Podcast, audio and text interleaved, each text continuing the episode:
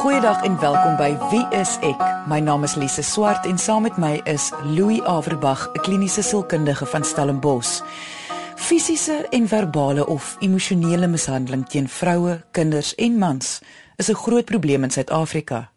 Soveel so dat daar jaarliks deur ons regering 'n 16 dae veldtog plaasvind vanaf 25 November tot 10 Desember om mense bewus te maak van die syfers, wat jou as slagoffer te doen staan en die erkenning van tekens.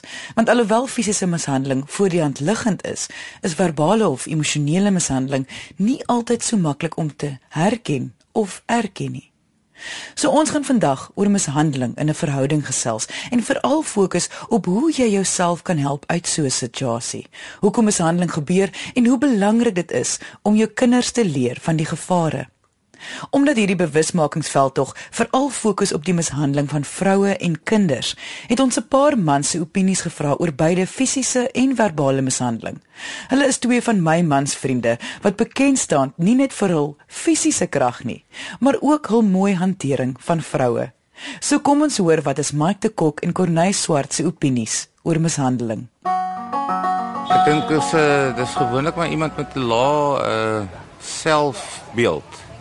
En dis sy manier daarvan om om om sy ego bietjie te te streel. Ek dink nie hy's 'n persoon wat weet hoe om altyd 'n situasie te hanteer nie en uh gewoonlik dink ek is 'n ou wat uit 'n mishandelde omgewing uitkom en dis sy enigste verwysingsraamwerk is om na maar of sy vuiste of wat ook al te gebruik om 'n probleem op te los. Dis hoe jy groot gemaak is. Dit is jou dit is 'n man is daar om 'n vrou op te pas en haar te beskerm teen alles en almal en 'n man slaan nie 'n vrou nie. Dis maar net hoe jy dis maar net wat wat jou ouers vir jou leer van kleintyd af. Dit is dit is die die doel van 'n man, die werk van 'n man is jy pas jou vrou op. Jy slaan haar nie. Dis maar so maklik so ek ek weet nie hoe om dit anders eintlik te sê nie. 'n Man slaan nie 'n vrou nie. Louis, wat is die motief van 'n persoon wat iemand anders seermaak, of dit nou fisies of verbaal is? Dit is feitelik altyd gebore uit 'n behoefte om mag te hê, om beheer te hê en in die geval dan beheer oor iemand anders te hê.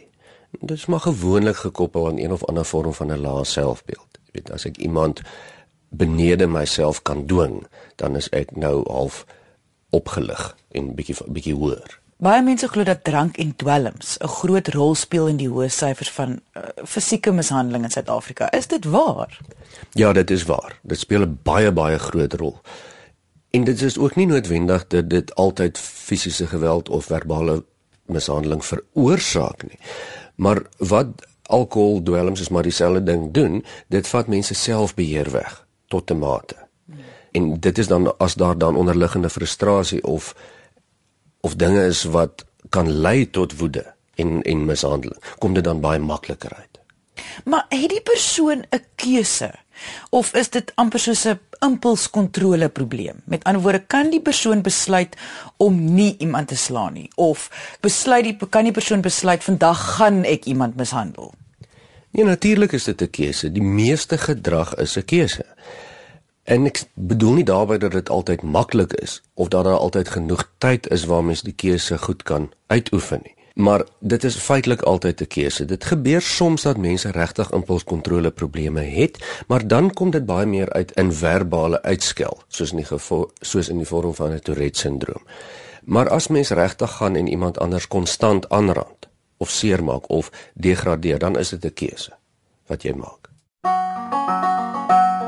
Ag ek dink maar dit dit gaan maar oor as jy as jy dit gesien het soos wat jy as kind groot groot geraak het dan dink jy maar dis die manier hoe dit moet gedoen word. Um as jy in 'n huishouding groot geword het waar daar maar baie drank en dwelm misbruik was en pappa slaan maar vir mamma en mamma gooi vir hom terug met die kookwater dan dink jy maar dis die natuurlike manier hoe dit moet gebeur. Ek dink ook nie dis net 'n geval van vrouens wat fisies geslaan word nie. Daar's ook vrouens wat emosioneel gemanipuleer word en finansiëel gemanipuleer word. En uh dit is net so 'n gevaarlike situasie. Want daai vrouens weet ook nie hoe om uit daai situasie uit te kom.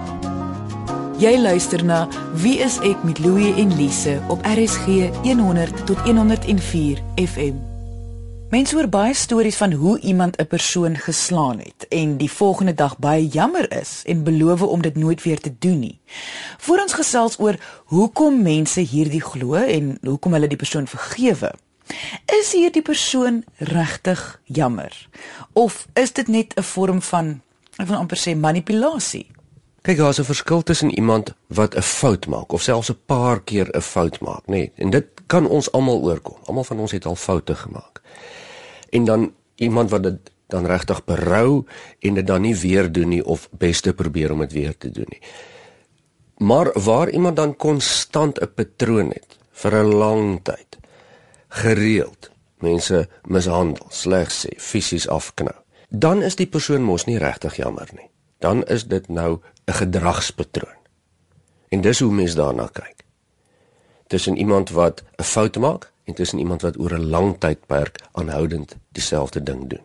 Die groot vraag is dan kan die persoon verander? Enige persoon kan verander.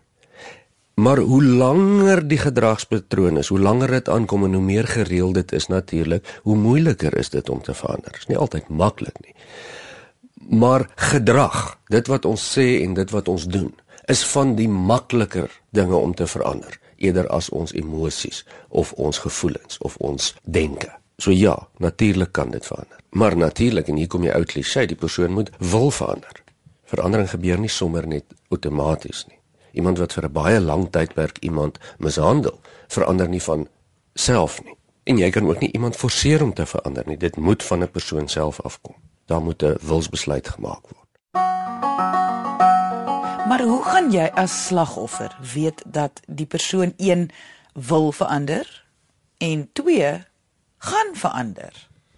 Nee, jy gaan nie weet nie. Niemand kan die toekoms voorspel nie.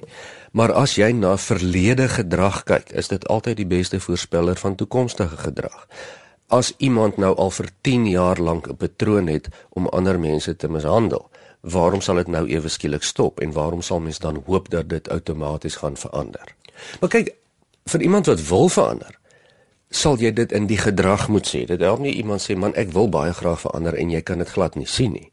Iemand wat wil verander, probeer regtig en jy sien dit onmiddellik en hulle gaan ook dan aanhou probeer al kry hulle dit nie altyd reg nie en dit sal dan 'n nuwe patroon vorm. Dit is verandering. Hierdie gaan soos 'n belaglike vraag klink, maar kan 'n mens 'n verhouding suksesvol bestuur as een party die ander party mishandel? Nee, jy kan nie regtig nie. Want in sulke gevalle is die een persoon dalk heeltemal gelukkig in die verhouding en voel heeltemal in beheer, maar die ander persoon nie. En dan praat ons nie meer van 'n verhouding nie. Verhouding is tog waar albei binne-in is. So nee, dit kan dit werk nooit as die een persoon die ander een mishandel nie. In uiterste gevalle waar dit albei se keuse is. Waar persone kies om in 'n tipe situasie in te gaan, maar dit is baie baie selde en dit is aan hoë vlakke van patologie gekoppel.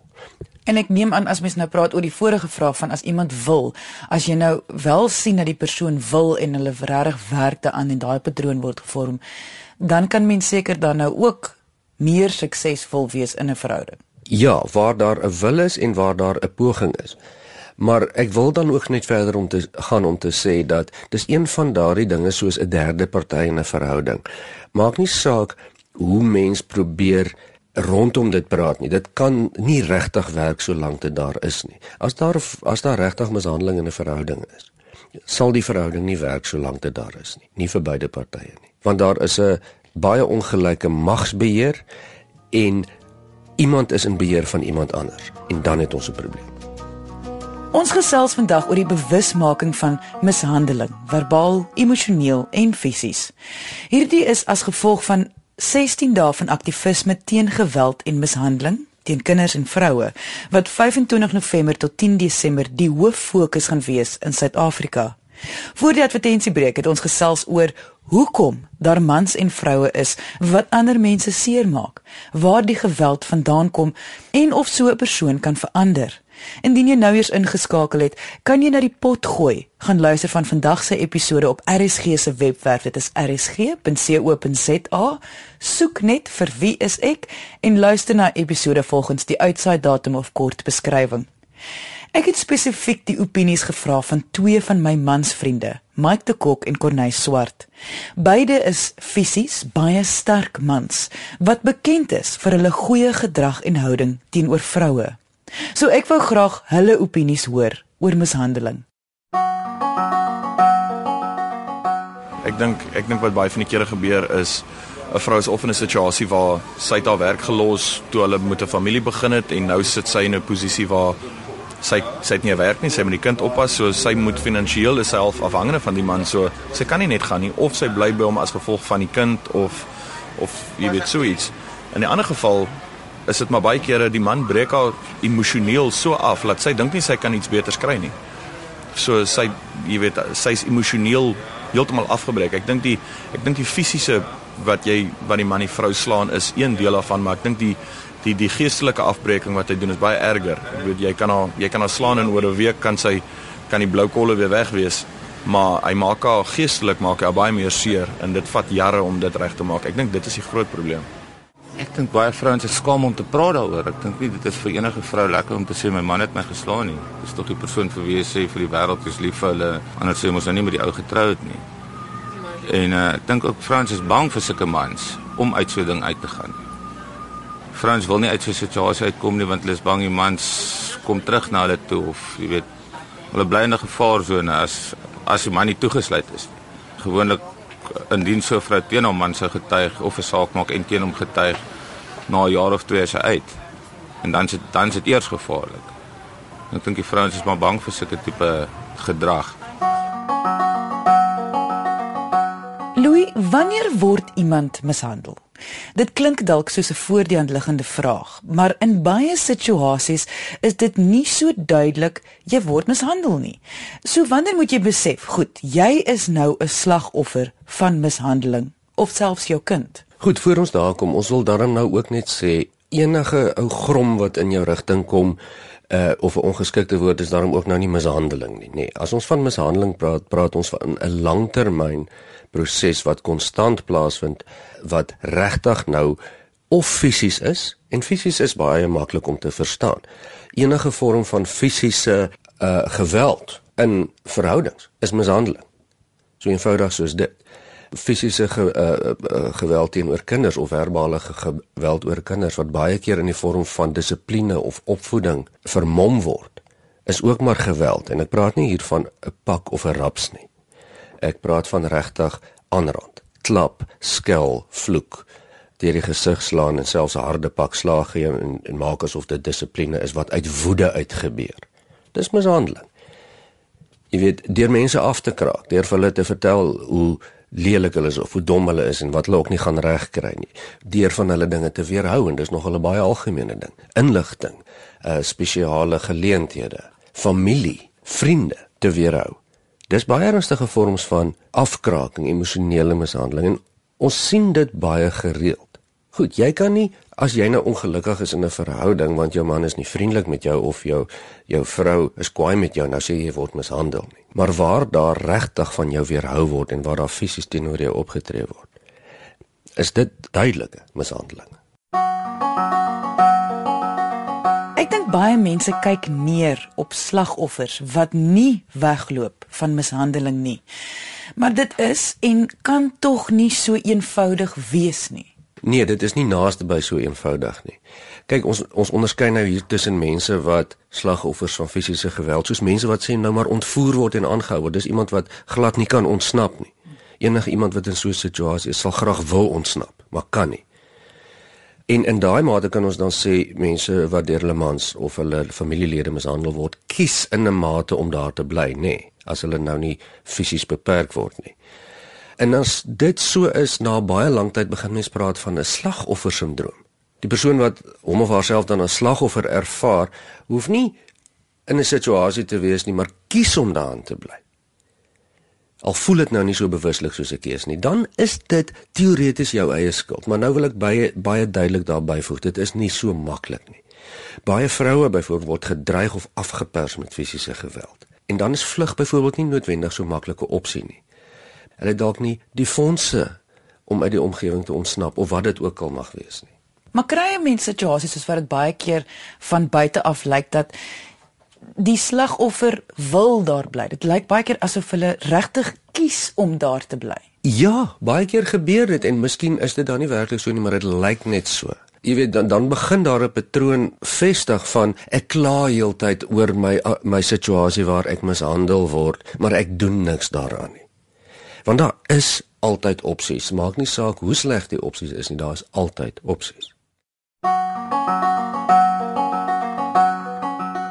Soos Mike en Corneille ook gesê het van baie keer sal 'n slagoffer bly omdat dit is wat hulle gesien het as kinders ook. Speel dit ook 'n rol? Daar kan baie redes daarvoor wees. Mense leer patrone aan van wat aanvaarbaar is en wat nie aanvaarbaar is nie. Mense leer aan baie vinnig om hulpeloos te wees in situasies. Ja, en baie van hierdie patrone word van kleins af gevorm waar ons selfbeeld gevorm word waar ons leer wat is reg of wat is verkeerd vir ons in verhoudings, wat is aanvaarbaar en wat is nie aanvaarbaar nie, nê. Nee. Jy het nou gepraat van opsies.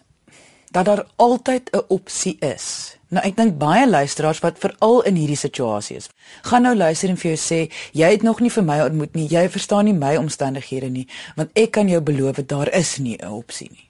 Nee, dit is nie waar nie. Daar is altyd opsies en ek weet dit is maklik om te praat. En in daardie geval dink elke persoon altyd sy of haar situasie is die ergste omdat mens mos dinge anders ervaar as jy binne 'n situasie is. Maar ek het nog nooit en ek sê letterlik nog nooit 'n situasie gesien waar iemand gevoel het nie, hulle het geen opsies waar hulle mishandel word en dit dat dit waar is nie. Daar is altyd opsies.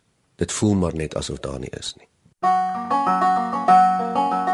Kyk om 'n kind 'n pak slaag te gee vir my 'n ordentlike pak slaag vind ek nie 'n fout nie. nie dan as dit in 'n redelike manier toegepas word om die kind 'n les te leer of te straf, nie om te mishandel of omdat jy kwaad is vir iets wat met jou by die werk gebeur het, nou kom slaan jy jou kind by die huis omdat jy nie weet hoe om jou situasie op 'n ander plek wat eintlik die probleem is te hanteer nie. En daarmee het ek 'n groot probleem. Ek dink dit is ek dink is mense wat onderliggende ander probleme, ander onderliggende probleme het wat hulle frustrasies op hulle kinders uithaal. So ek dink mense moet maar 'n kind so vinnig as moontlik uit so 'n mishandelde omgewing uithaal. As jy kan, of as jy nie kan, jy moet jy 'n plan maak om dit te kan doen, dink ek. Jy kan 'n paar hou op die boude gee want die kind het iets fout gemaak. Ek het so groot geraak, meeste van die mense wat ek ken het so groot geraak. Dit is hoe jy 'n kind leer en dit is hoe ek geleer was en ek was glad nooit mishandel in my lewe gewees nie. Maar as jy 'n kind hier oor die oor die rug en oor die bene en oor enige ander plek begin slaan met belde en goeders, dan begin dit 'n ander geval raak. As jy 'n kind slaan met die vuis natuurlik of met 'n plathand of iets, dan dan is jy besig met mishandeling en dan ja, dan is dit 'n ouer se plig om daai kind weg te vat, in te tree en daai kind weg te vat van die gevaar of dit is wat jy as ouer mos daar is om te doen. Jy moet jou kind beveilig. Jy luister na Wie is ek met Louie en Lise op RSG 100 tot 104 FM. Ek verstaan die magsverskil tussen twee volwassenes, maar om as volwassene 'n kind te mishandel, dit gaan my kop te bowe.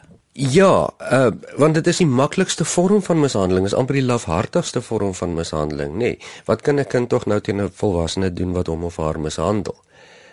Wat my bekommer daarvan is dat mense mishandeling teenoor kinders baie keer sien net as mense wat hulle kinders fisies geweldig aanrand baie keer is verbale mishandeling, afkraking, weerhouding van liefde en aandag baie erger as fisiese mishandeling.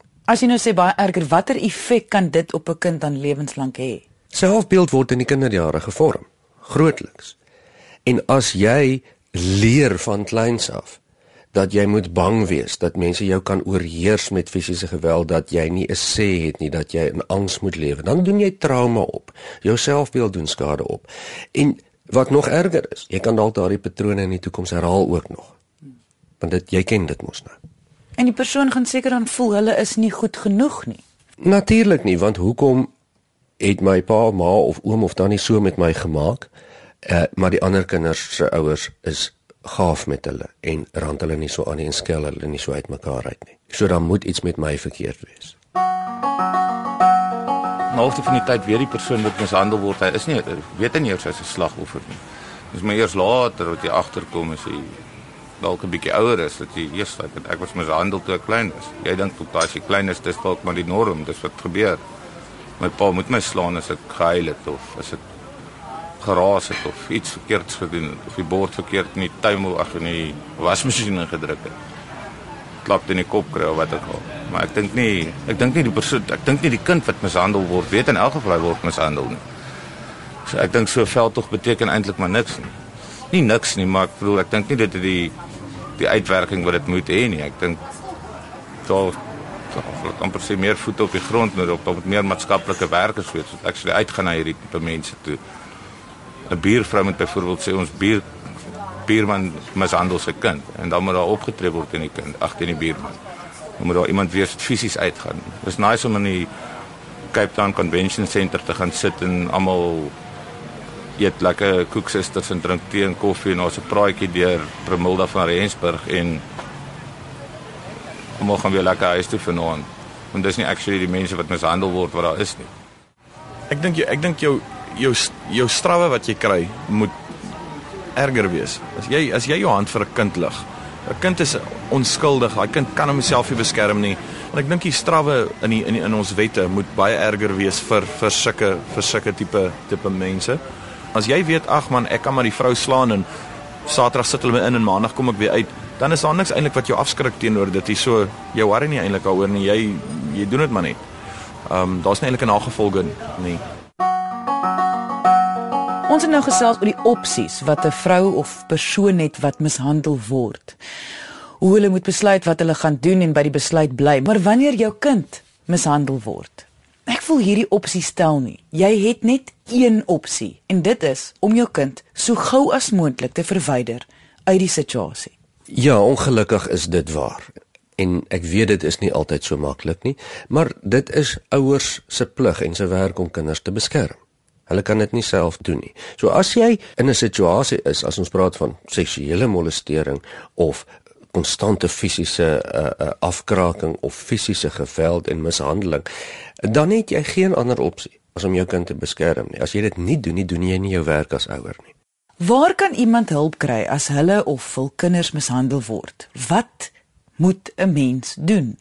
Want ek verstaan jy is bang wat jou man aan jou of jou kinders gaan doen wanneer jy hom of haar gaan aankla by die polisie of sommer net jou goed vat en loop. In baie gevalle en huishoudings is dood 'n realiteit. So wat op aarde kan 'n mens dan doen? Kyk, dit is regtig so dat die wet baie sterk aan mishandelde mense se kant is. En baie mense het probleme met die regstelsel ensovoorts. Maar die wet is baie sterk hier aan die mense se kant. Dis maklik om 'n interdikt te kry teen iemand en dis altyd 'n eerste stap.